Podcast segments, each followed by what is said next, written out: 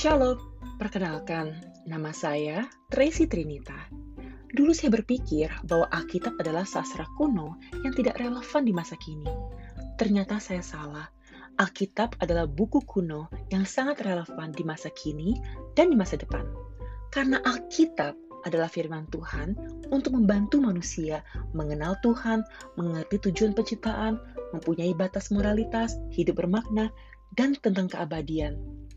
Alkitab begitu kaya dengan sastra yang menyentuh hati dan mengubahkan hidup. Saya berharap melalui podcast Kuno Kini Alkitab, Anda dan saya bisa semakin mencintai Tuhan dan firman-Nya, hidup bermakna dan bertujuan dipimpin oleh Tuhan, dan marilah kita belajar bersama dan berbagi kepada sesama. Kuno Kini Alkitab, Alkitab kuno untuk masa kini. thank you